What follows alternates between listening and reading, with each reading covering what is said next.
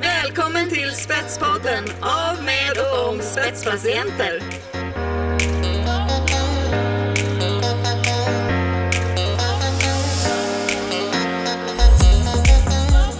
Hej Helena! Hej!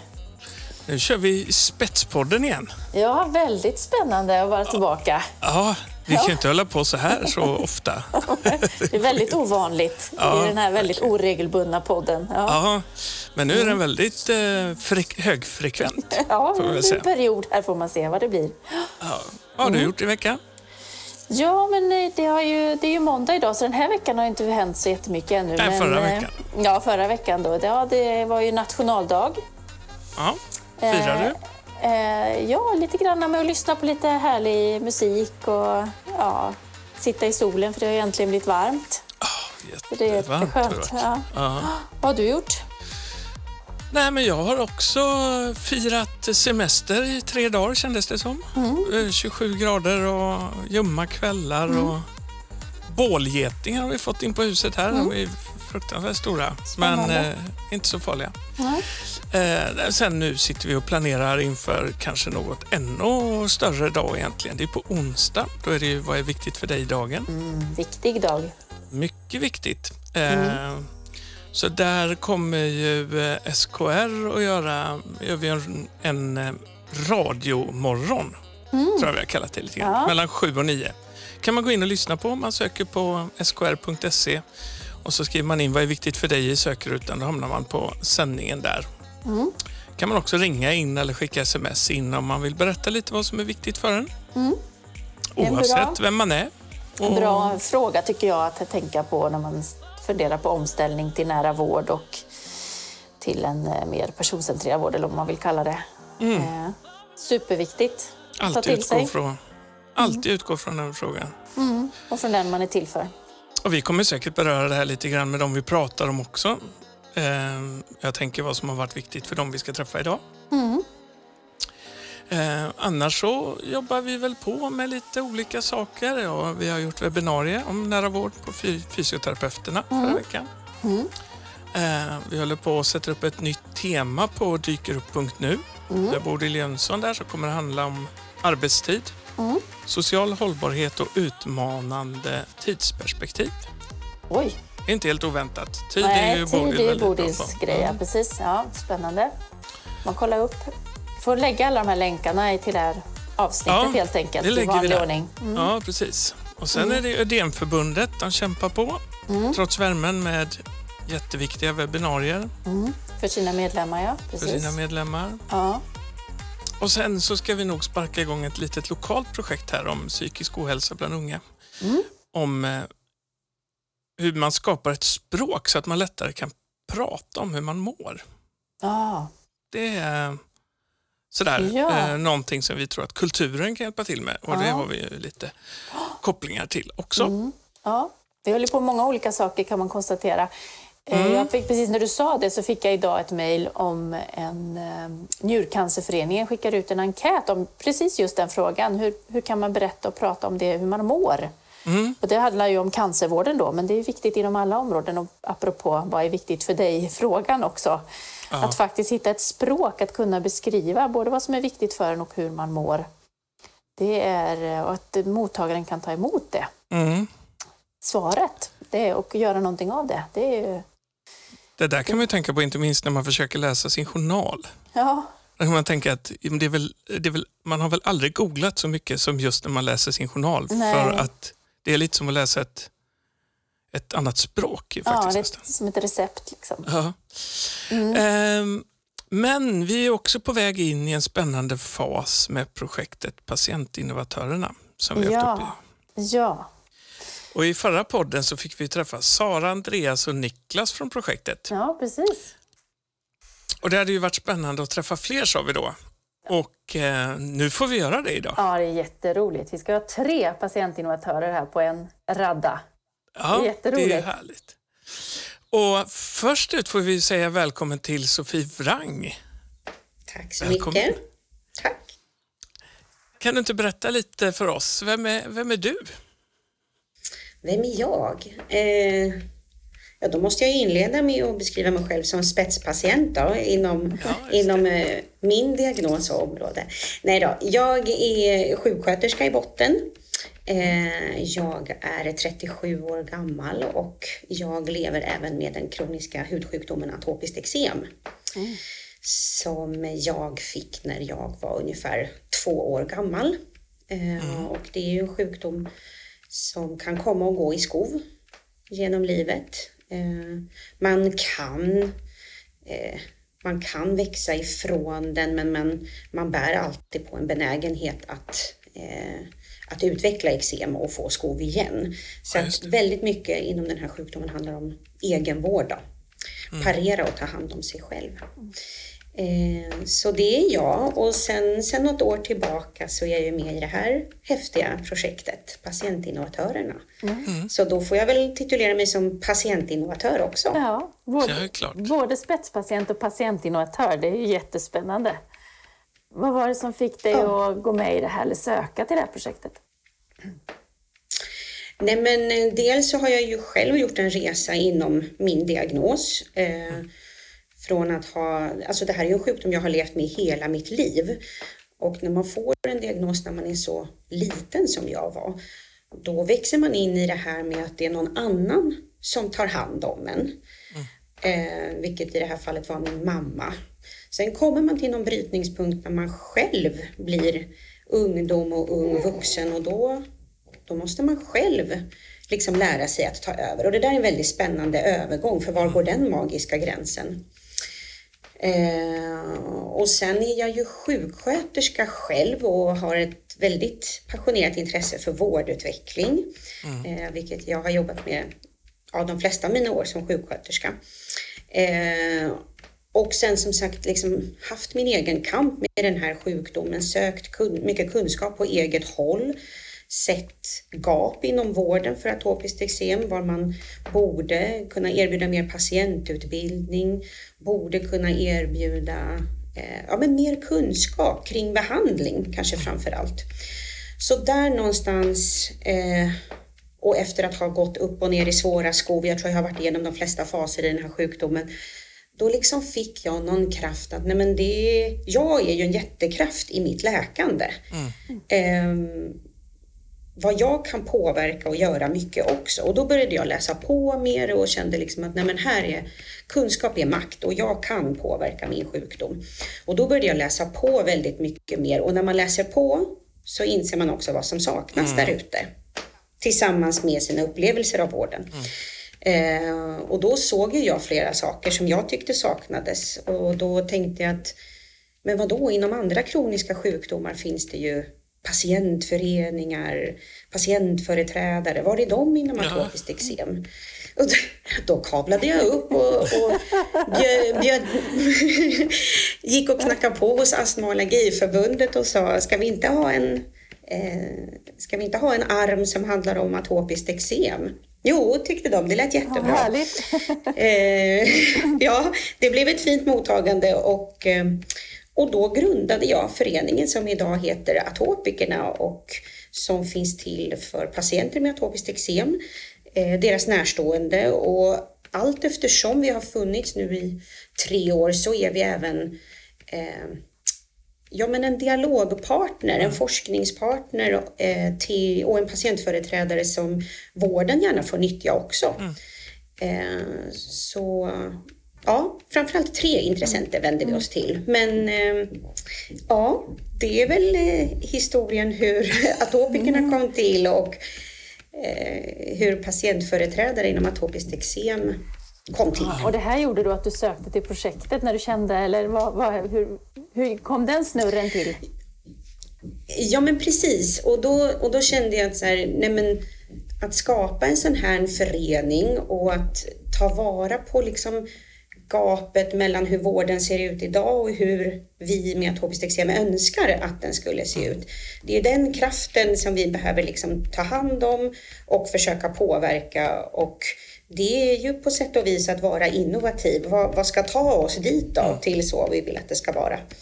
Och då jag minns faktiskt inte ens hur jag kom över det här projektet från början. Jag tror, att jag såg det någonstans och så var jag så här, jo men det här, det här är ju det, det, är det här vi gör. Eh, och då tänkte jag, jag vill också lära mig mer och höra hur, hur gör andra patientföreträdare? Eh, för ofta så handlar det ju om att man sitter på många bra idéer eller tankar.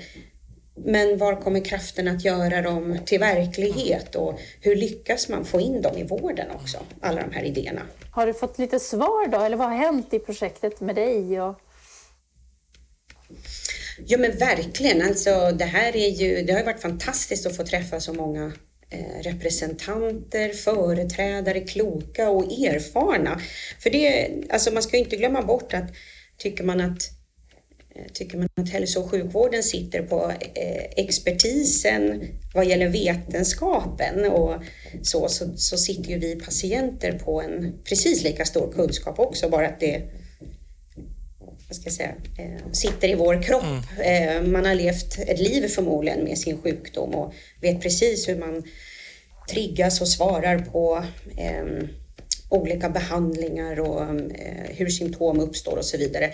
Och den borde ju vara en guldgruva för sjukvården. Mm. så att det jag har fått med mig mycket är ju att ha lyssnat till andras projekt, eh, andras resor. Vad gjorde att de lyckades? Ehm, det kan tyckas banalt men ändå så här, mycket kan handla om hur man kommunicerar. Ja. Hur, hur säljer man in en idé så att det inte är så här ja, nu kommer ytterligare en patient och har någon åsikt mm. eller ni vet ris och roslappar. Man kan lägga in sån en låda innan man blir utskriven från sjukhuset. Utan, eh, ja, och det, det är väldigt inspirerande att ha fått höra andra, tycker jag. Vad har du för förväntningar på att det här leder till för dig liksom, och för utvecklingen av det du redan gör? Så, vad kommer projektet att bidra med i framtiden tror du? Men jag tänker mycket att vi redan har kommit en ganska bra bit på mm. väg. Ehm, att forskningen alltmer efterfrågar en patientrepresentant när man gör studier. Kanske kollar igenom ett frågeformulär. Är det här begripliga frågor? Tycker du att det här täcker det som eh, känns viktigt? Så att på sätt och vis så tycker jag att vi redan blir mer och mer välkomna. Men det som jag sätter förhoppning till med det här projektet det är ju den handbok som vi håller på att mm. ta fram. För just det här som jag var inne på att det finns många outnyttjade krafter och idéer. Men att man kan behöva den här sista pushen. Hur, hur får jag den till att bli verklighet och hur får jag den att bli mottagen av någon? Och inte en hyllvärmare utan faktiskt en, eh, en innovation som, som kan bli något. Det tror jag att den här handboken kan hjälpa till med mycket. Eh, lite mer vad ska jag säga, strukturerat. Hur går man från idé till, till handling och vad finns det för resurser man kan ta hjälp av? Tips på hur man kan kommunicera kring sin innovation. Eh, kanske till och med få tips om var kan man söka bidrag om det är så att eh, man behöver ekonomisk hjälp för att få till en tjänst eller innovation. Och det tror jag kan bli ja, men det där sista verktyget som mm. saknas. Det är spännande. Det, är det blir liksom den mm. lilla nyckeln till nyckeln in på något vis. Mm. mm. Ja men verkligen. Jätteroligt att höra om eh, både din resa som låter helt fantastisk, vilken kraft att, eh, att skapa någonting så ur sin egen erfarenhet och skapa någonting helt nytt. Det låter ju jätteroligt att få följa också det, hur det utvecklas. Är ni många medlemmar? Hur många är det liksom som har... Jag blir bara nyfiken, hur stor grupp är det här liksom i... Vad tror man? Vi är uppskattningsvis en miljon människor ja. i Sverige som lever med atopiskt eksem. Och det gör ju att man också kan prata om begreppet folkhälsosjukdom. Ja, eh, men det är en väldigt gömd och glömd sjukdom för att den har väldigt länge eh, ja, men, eh, avkastats som någonting mer kosmetiskt. Det är väl bara lite kli, eh, det är väl bara lite rodnad. Och bakom den här fördomen så, så pratar vi alltså om en miljon människor med kraftigt nedsänkt livskvalitet Mm. Barn som har svårt att gå i skolan, vuxna som kanske har svårt att sköta sina jobb. Väldigt många går runt felbehandlade, underbehandlade för att vi har en sjukvård som inte kan den här sjukdomen och som därför, vad ska jag säga, eh, stannar upp i vilken behandling de, er, de erbjuder patienten en, en bra eh, vård. Mm. Eh, och det gör ju att onödigt många där ute går och lider. Mm. Eh, det är ju en fruktansvärd klåda. Det här är ju liksom den hudsjukdom som WHO har fastställt skapar sämst livskvalitet av alla hudsjukdomar ja. i världen. Ja, det visste inte jag. Mm. Och då, jag tänker ofta att alla vet vad psoriasis är. Mm. Ja, just det. Och det är ungefär en tredjedel så många som lever med det i Sverige mm. än vad det är med atopiskt eksem.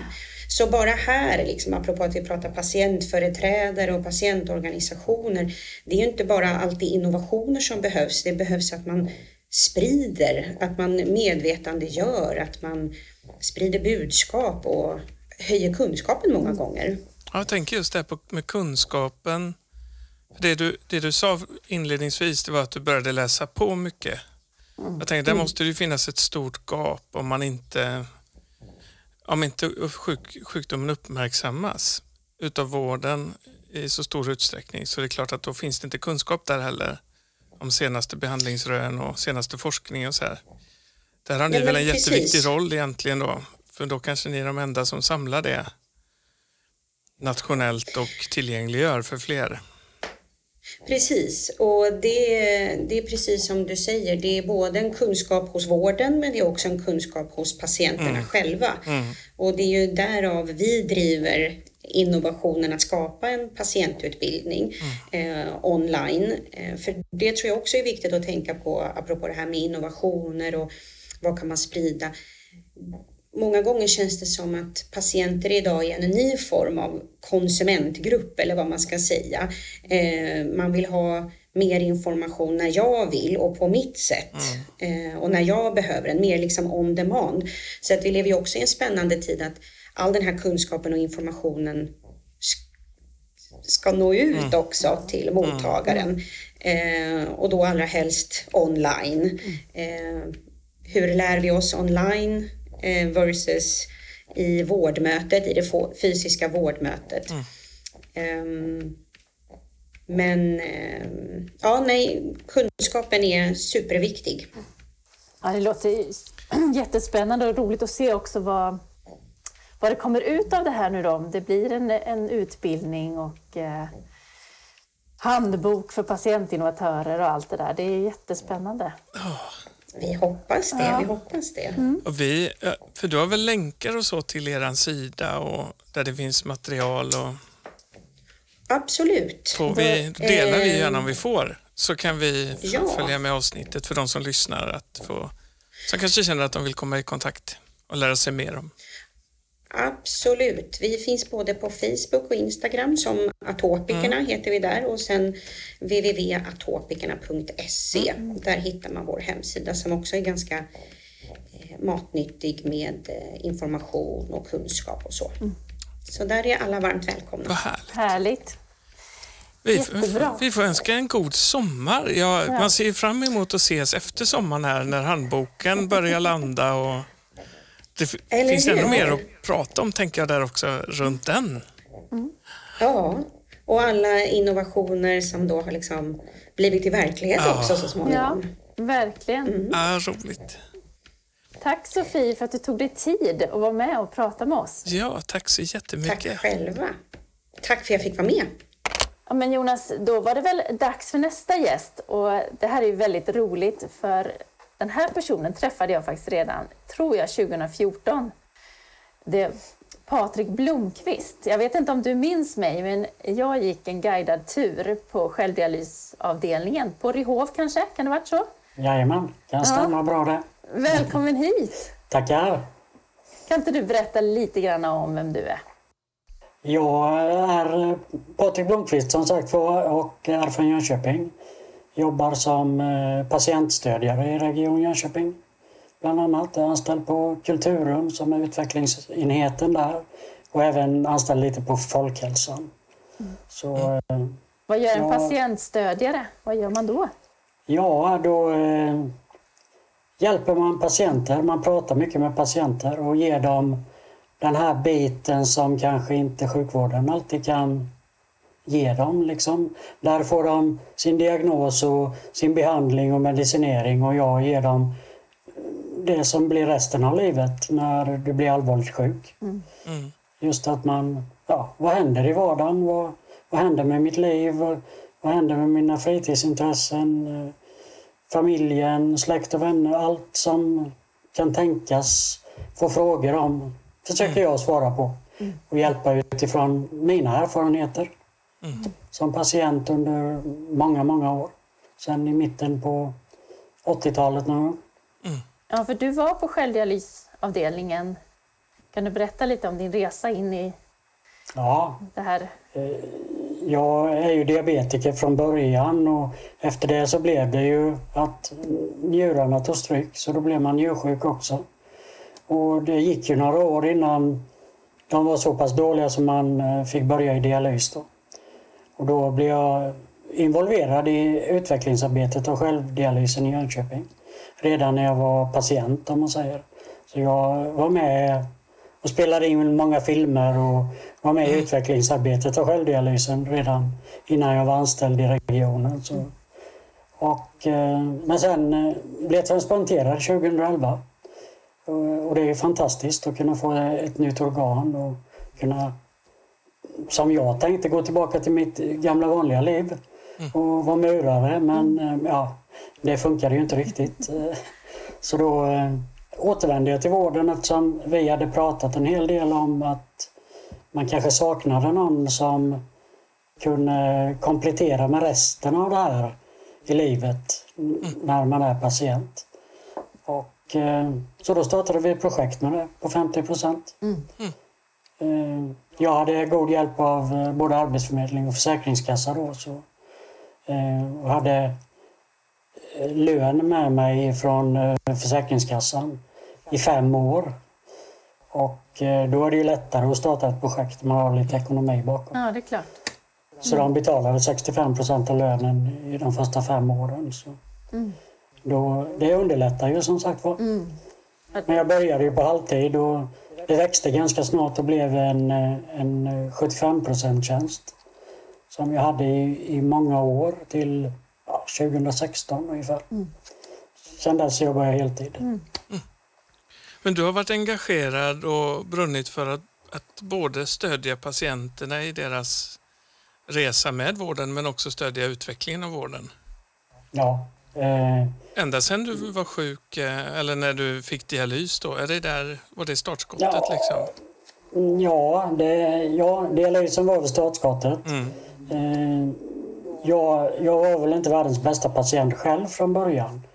Eh, för att jag kände att jag fick inte riktigt den responsen jag ville ha kanske från vården. Eh, Och som diabetiker då i, som jag fick det i 17-18 års åldern så, så kan det vara svårt att anpassa sig till en sjukdom när man vill vara som alla andra och vill vara frisk liksom, och, och leva ett vanligt liv. Och samtidigt så har man krav på sig från vården att nej, så kan du inte göra och så får du inte göra och du måste göra sig och så här. Och, och det passar ju inte alla människor. Du var olydig helt enkelt. Jag var olydig helt enkelt. Så är det. Så är det. Jag, jag, jag förstod inte, eller vården förstod inte mig och jag förstod inte riktigt vad de ville ha ut av det här. Så då, då blir det ju att man, ja, man, man eh, gör någonting för någon annan. Man gör det för att det ska se bra ut när man kommer på en läkarkontroll. För att man inte ska få skäll av en sjuksköterska för att man har högt blodsocker till exempel.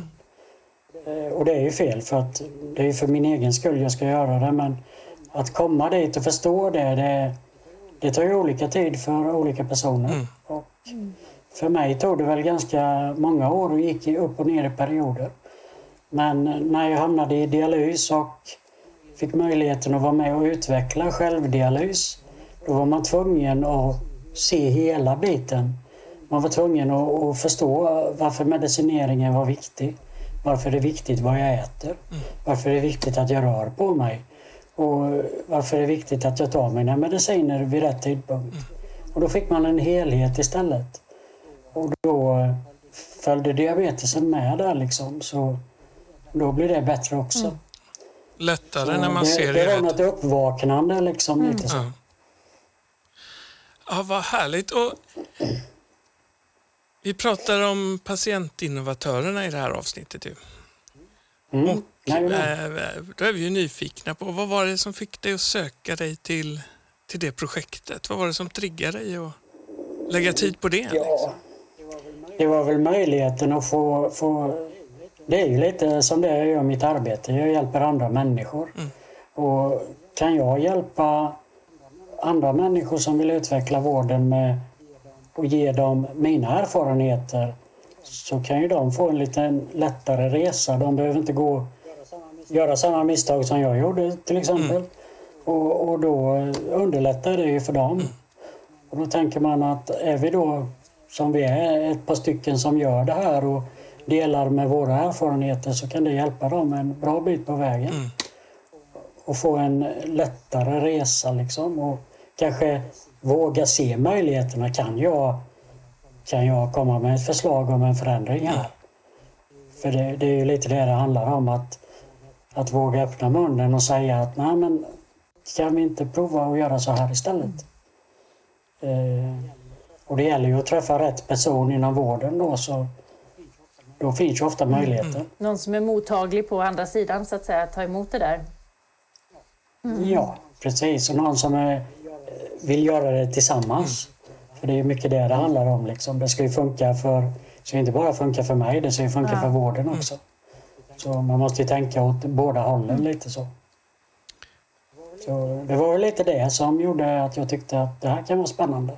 Ja, för man får en känsla av att det här projektet är ju unikt på det sättet att vad jag vet i alla fall så har man inte samlats runt de här frågorna på det sättet tidigare. Nej. Nej. Och inte med den ansatsen. Så det är... Och sen har vi hört jättemycket om, om handboken naturligtvis. Så det låter ju lite som the holy grail. ja, nu, nu ja. löser vi det här och det tycker jag är skitbra. Eh, men ja. det är klart, det blir ju någon form av eh, vägledning och, och kunskaps, ja. möjlighet till kunskapsinhämtning. Den här handboken ja, i de här frågorna. Jajamän. Ja. Och det känns väl jättebra att man, att man samlar ihop det och får ner det på, i en bok som sagt var. Eh, så att man, man har det och, och att andra kan få möjligheten att läsa om mm. det. Liksom. Och givetvis få möjligheten att ta kontakt med personerna som har skrivit mm. här också. Eh, för bara en sån grej är ju jätte... Liksom om man kan ta telefonen och ringa någon och ställa en fråga om, om mm. någonting. Det, det måste ju vara kanonbra, ja, tänker jag. Om du fick, om du fick drömma dig fram, framåt då i framtiden, vad skulle du önska? Liksom? Vad, om, du, om det fanns något på din Nej, önskelista, men det, vad skulle det är ju då? mycket det här att man, att, att man kan få människor att inse att, det, att det, det är inte vården som kan göra allting åt dig. Eh, de har väldigt bra behandlingar och mediciner men det krävs en hel del från dig själv som patient också. Att du engagerar dig i din diagnos helt enkelt. Liksom. För att det handlar ju om att ha så bra livskvalitet som möjligt. Och, och det, tror, det är ju viktigt att få folk att inse att kan jag göra min del av det här så kan jag leva ett, ett fullt liv även om jag har en kronisk sjukdom. Och, och kan man göra det så mm. då är det nästan som att man inte är sjuk många gånger. Man, det finns så många bra hjälpmedel nu. Mm. Så alltså det, det underlättar så mycket. Jag ser ju som diabetesvården, hur den har utvecklats med hjälpmedel som mäter mitt blodsocker hela tiden och sånt där. Jag behöver inte springa och sticka mig och så här hela tiden. Alltså det är, det är fantastiska mm. hjälpmedel. Kan jag bara sen lägga till det här att ja, mm, jag äter lite nyttigare mat och jag rör på mig lite mer. Och då blir ju allting jättebra. Mm. Och, ja. Mm. Ja. Vilka Och det är på ganska kort tid som det har... Alltså, Ja, vissa saker har ändå känts som det har gått fort.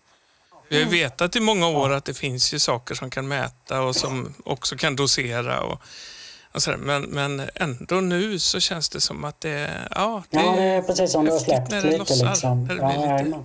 islossning. Som liksom. idag då, Ja. om du, nu använder jag ju fortfarande sprutor för att jag tycker att det är bra. Men många har ju pump idag liksom och nu Mm. kan man då koppla den med den här avkännaren och, och den sköter i princip diabetesen åt dig. Så ja, det är ju helt fantastiskt. Mm. Och, ja, och det kommer ju mer och mer mätinstrument i andra diagnoser också. Liksom. Eh, Det märker jag ju själv som Mm. jobbar inom det här och, och hör mycket om nyheterna. Liksom. Så det är ju helt fantastiskt. Mm. Ja, mycket. Det är hoppfullt tycker jag. Mm. Verkligen. Jag tänkte på, du har ju så, eh, vi pratade om det innan vi började spela in här lite, om att det känns som att eh, du är, har gjort så himla mycket grejer och varit med i så många olika sammanhang och så.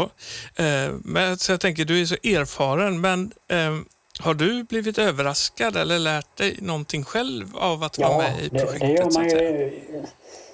Man, man tror ju själv att man vet och kan så mycket men varje gång man träffar Mm. Någon annan som är väldigt engagerad i sånt här också så lär man sig nya saker hela tiden. Och det är ju det som är så fantastiskt. Att eh, även om jag har jobbat Mm. sedan 2012 nu med såna här frågor så, så lär jag mig hela tiden när jag träffar människor. Jag lär mig varje dag när jag möter patienter liksom, och olika saker. Och det är ju helt fantastiskt. Mm. Att, det, att man hela tiden kan bygga på sin kunskapsbank. Liksom. Så det, ja, man lär sig hela tiden. Jag tror det var i Jönköping som vi hörde av någon väldigt klok person att om kunskapen är som en boll och så blåser man upp den och fyller den med mer innehåll, då blir ytan mot det Ja. okända Precis. mycket större. det är Ja, också så här, den, har vi, ju- Man, den, man lär sig, den återkommer man ju till ibland. ja, man lär Det sig om finns hur mer lite ut. man vet liksom, hela Precis. tiden. Ja, man blir Ja. medveten om det. Ja. Men vad roligt att få prata med dig och, och eh, igen Ja. få kontakt Patrik. Det är väldigt roligt. Så Ja, här, precis. Flera år senare. Man kommer alltid tillbaka. Från... Ja, det, det är bra. underbart. Mm. Och det här- sorten. Och det här digitala projektet får man väl säga då, som, som startade i Mm. början på pandemin där, eh, hoppas vi ju att vi kanske projektet får vara kvar så pass Ja, att vi precis. får träffas till slut. Jajamän. På riktigt. På riktigt, på något ja. sätt. Ja, Ja. verkligen. Det hade Ja, varit det är roligt också. Ja, väldigt roligt. Ja. Mm. Det är väldigt konstigt att inte ha setts Ja, fysiskt. mm, det, det är ju det, men ja. Som sagt var en annan som annars är ute mycket på sjukhuset och pratar med patienter. Och det har jag inte kunnat vara nu utan nu får man jobba digitalt. Och, via telefon och mejl och så här. Men ja, det, det funkar det med liksom. Men eh, det, det blir aldrig riktigt samma. Eh, så är det ju. Nej. Det, det, har för, det är fördelar med det också att man kan träffa fler Ja. från flera Jajamän. håll och så på ett helt annat sätt. Man kommer från Precis. hela landet och det blir på ett sätt Jo. enklare. Samtidigt så saknar man det här ja, det, enklare mötet, liksom, i kortare samtalet över Nej, kaffekoppen. och det här man har när man är... Nu har vi jobbat mycket hemma liksom. Och det här man har när man är på arbetsplatsen. Man ja, möts i korridoren, man möts vid kopieringsmaskinen, man, man byter lite erfarenheter Mm. snabbt så här liksom. Den, den biten, ja det saknar man ju liksom, just de bitarna. Så ja, det blir väl Mm. Ja. skönt när det, man kan komma tillbaka förhoppningsvis efter semestern. Och- Ja, det hoppas vi. Vi precis. håller tummarna. Mm, verkligen. Tack så hemskt mycket Patrik för att du ställde upp och eh, Ja, att vi fick Det prata var med så dig. lite. Då. Ha en detsamma. trevlig sommar. Tack, tack. Ja, ha det så gott. Hej. Ha det gott. Hej. Hej, hej. Ehm, ja, men tack till Patrik. Det var ju roligt att få en återkoppling ifrån Jönköping. Det var Ja. länge sedan vi sågs. Väldigt roligt. Ja. Ja. Och vi har ju en gäst till med oss här idag, Annika Stjernqvist. Välkommen! Tack så mycket. Eh, du är också med i projektet och du är med som närstående. Men kan du inte berätta lite för oss om vem du är? Jag är en 61-årig snart fembarnsmamma. Jag är pedagog i botten, jobbat som det i 35 år ungefär. Eh, jag är numera medlevare mm. i, i familjen då till anhörig. Mm. Mm. Medlevare, det var nog faktiskt, har inte jag hört, vad, vad, vilket fint ord. Ja, det kommer nog ursprungligen ifrån eh, ett eh, sätt att, ha, att eh, behandla unga missbrukare.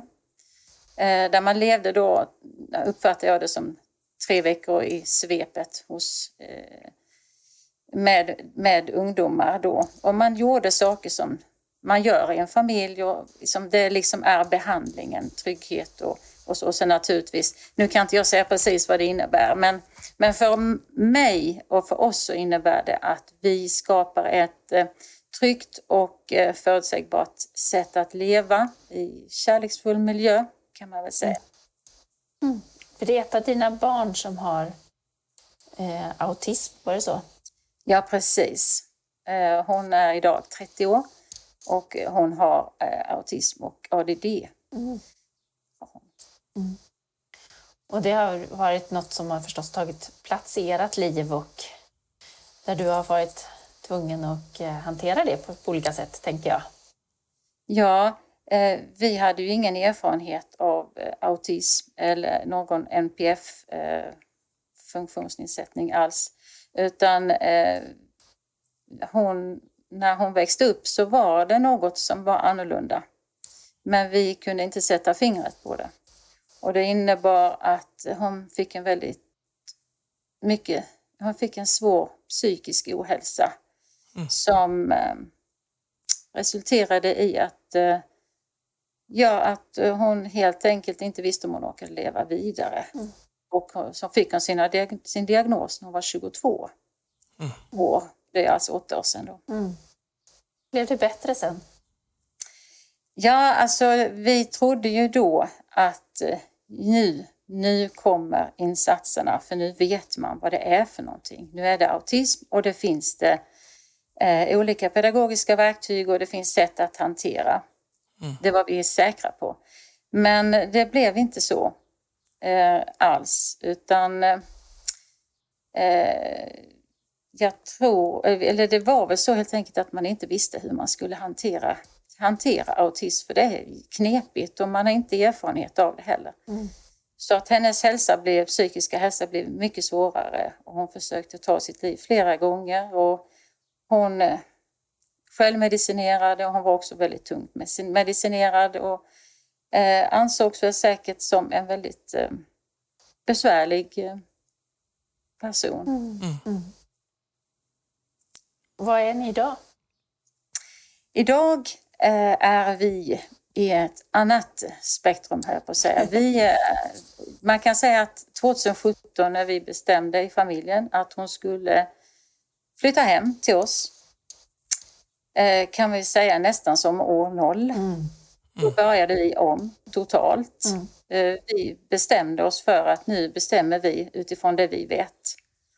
Och det var det var väldigt viktigt, eh, annars är vi inte, ja, det var väldigt viktigt att göra de, de valen som vi var, var tvungna mm. att göra. Mm. Mm.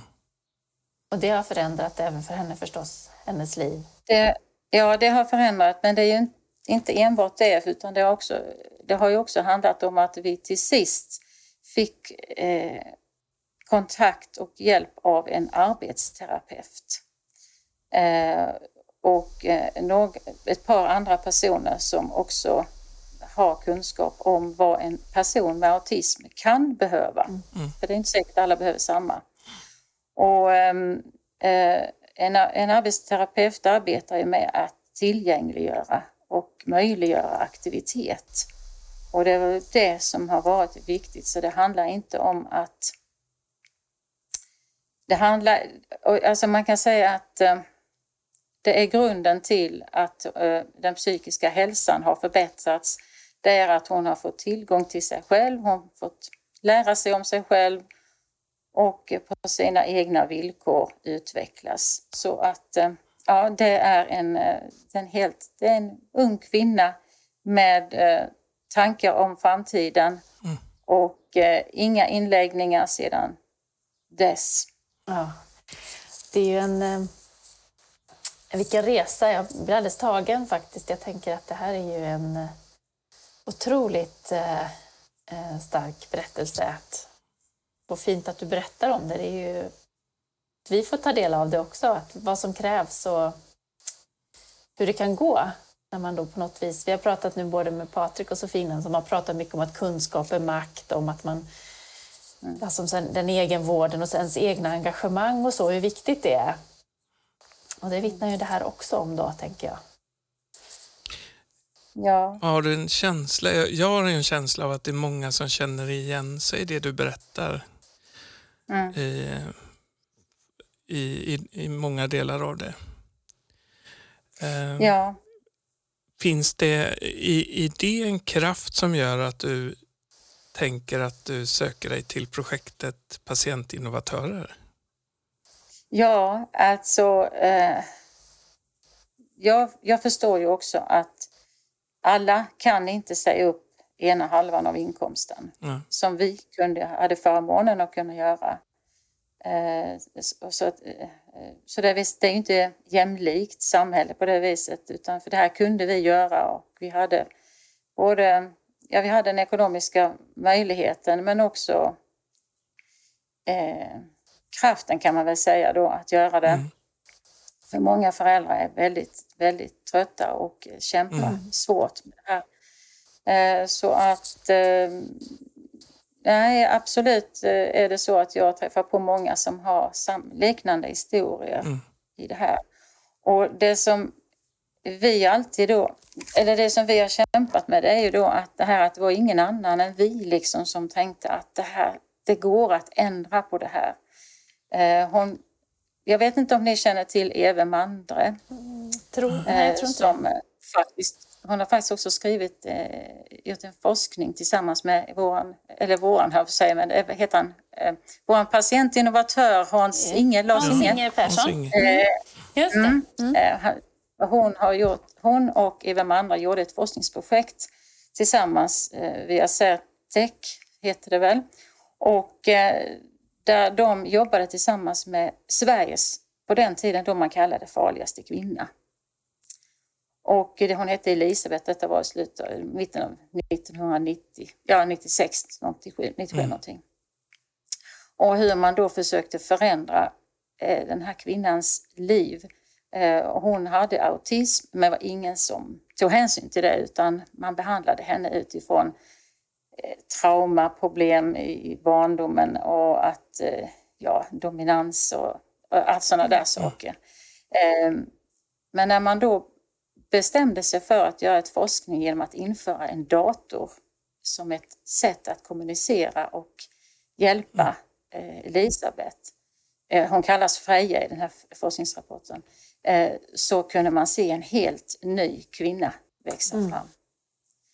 Så att, eh, och jag tänker mig att lite av det känner jag att, eh, jag kan inte säga att det är precis samma sak för oss, men just det här att det finns någon som tror att det här går att ändra mm. på.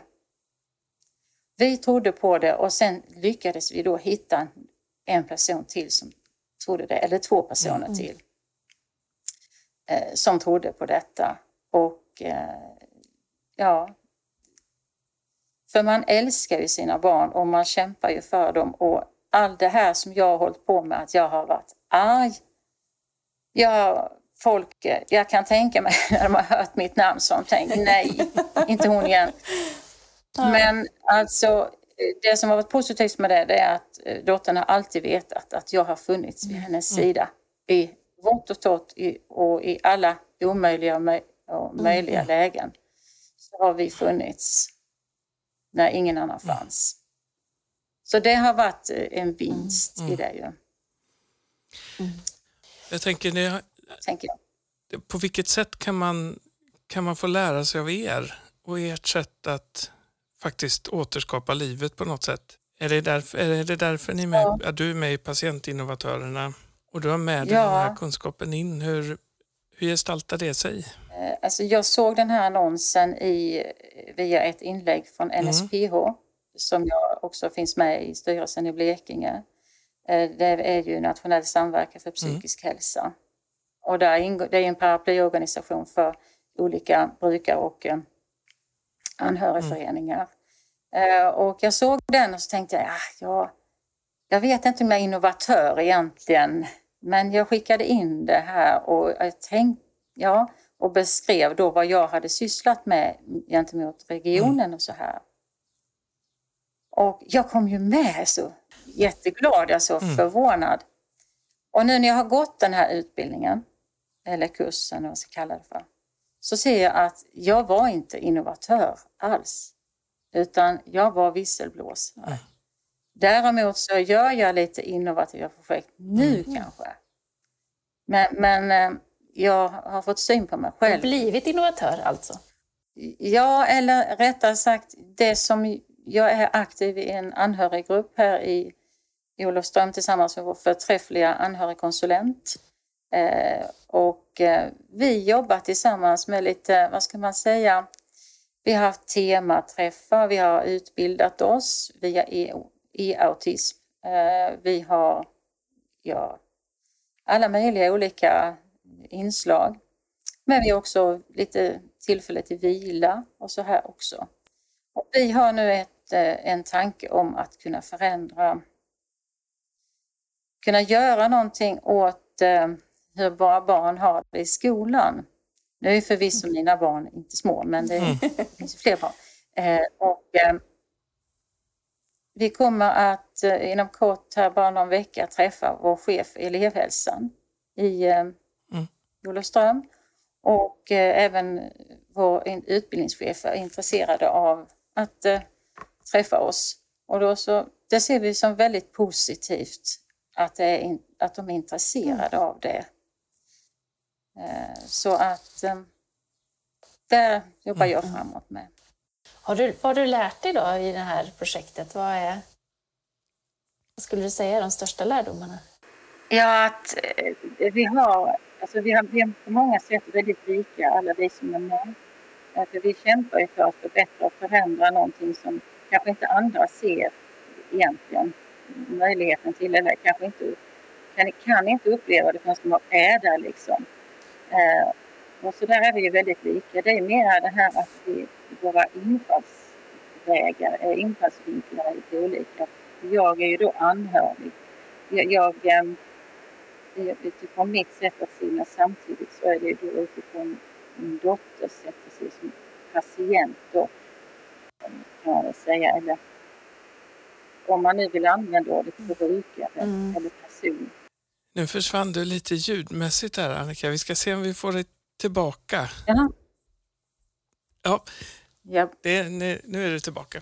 Ja, eh, jag tror ju det att eh, att det är otroligt viktigt att man samarbetar, inte bara skolan men också mm. vården och omsorgen samarbetar med eh, kring mm. eh, ens anhörig. Eh, och alltså att det blir på det allra bästa sätt. Eh, ja, det kan ju verka som, eh, för de som inte är insatta i det här, att man curlar sina mm. barn. Det har vi fått höra mycket. Man ska inte curla sina barn. Eh, men, men det är ju inte det vi gör utan vi möjliggör ju för dem att kunna eh, mm. till exempel komma till skolan. Eller, eller vad det nu kan vara.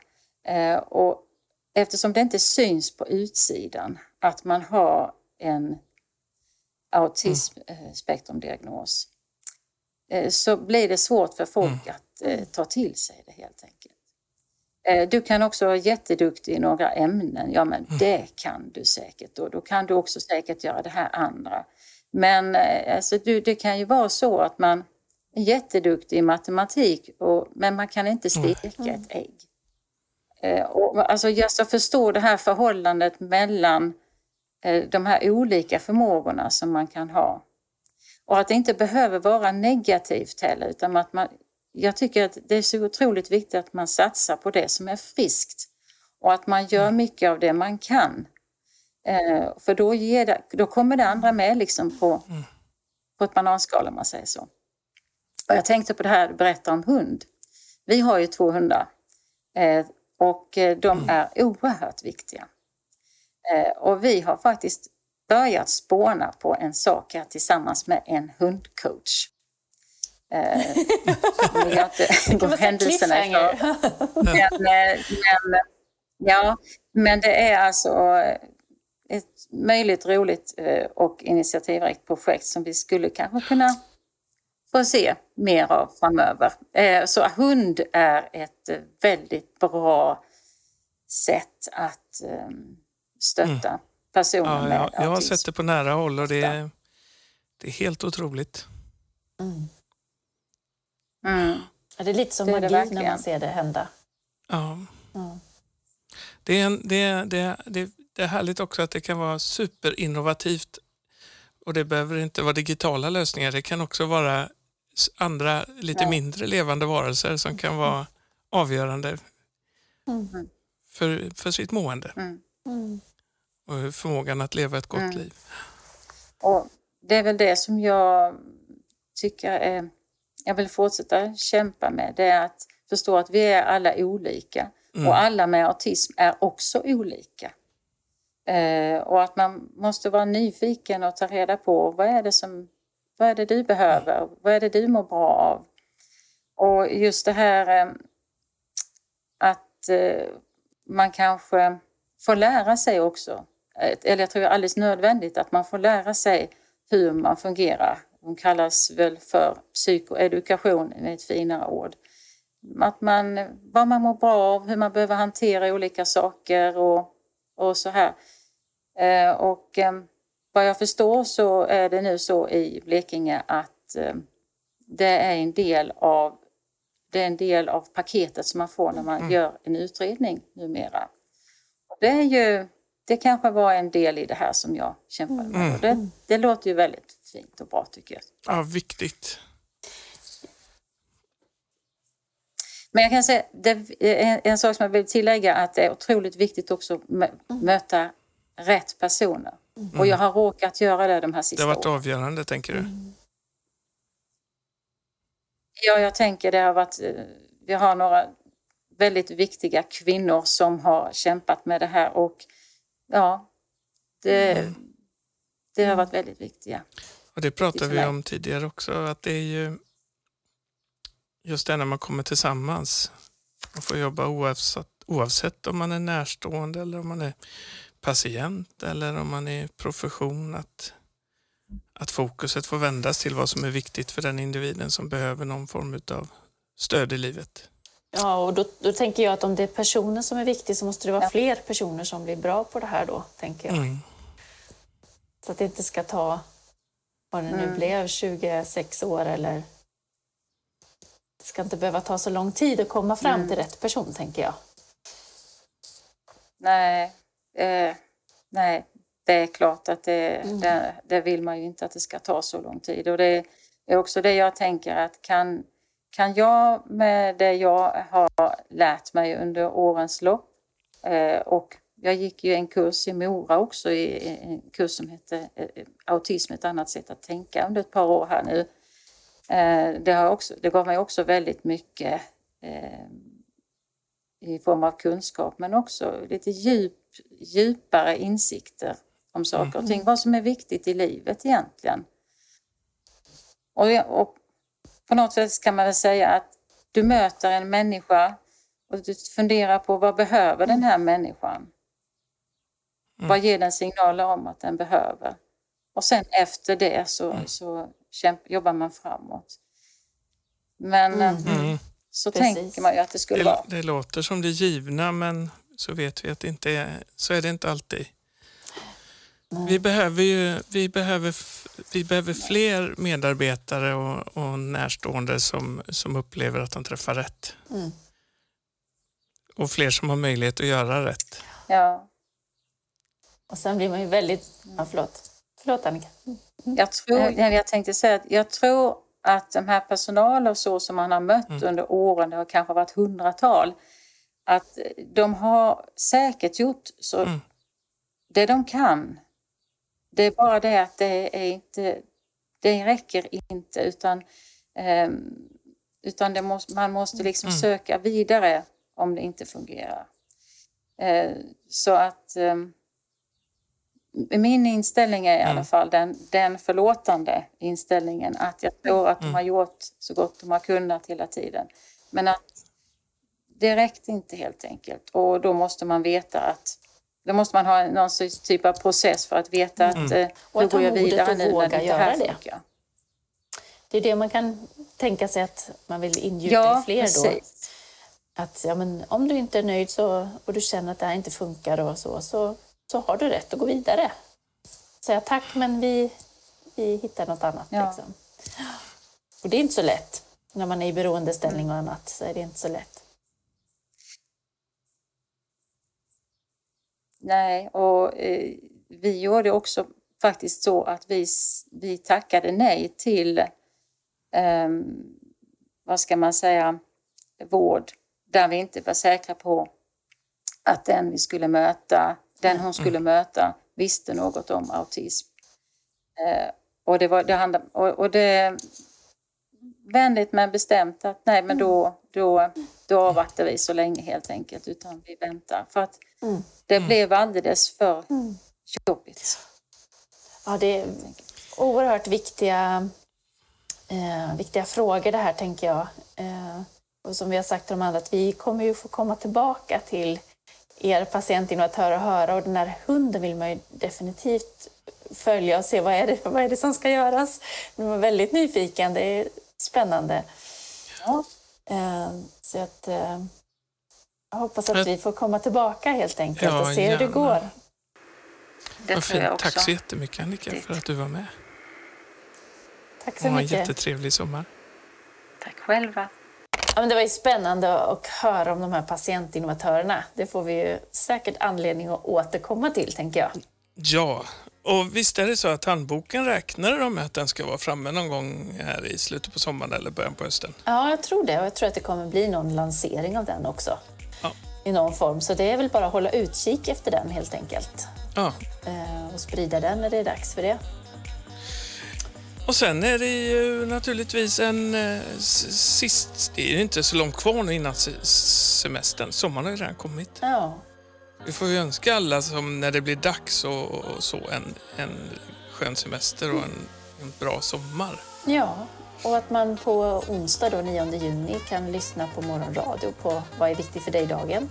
Uppmärksamma den på olika sätt. Ja, gå in på skr.se och sök så kommer ni till länken för sändningen. Eh, annars så eh, ha det riktigt gott Helena så, Ja. eh, så kör vi väl en spetspodd någon gång snart inom närmsta halvåret i alla fall. Ja, det får vi verkligen hoppas. Eh, Sveriges mest oregelbundna podd. Ja. Ha en skön sommar. Ja, tack till er som har lyssnat. Hej då!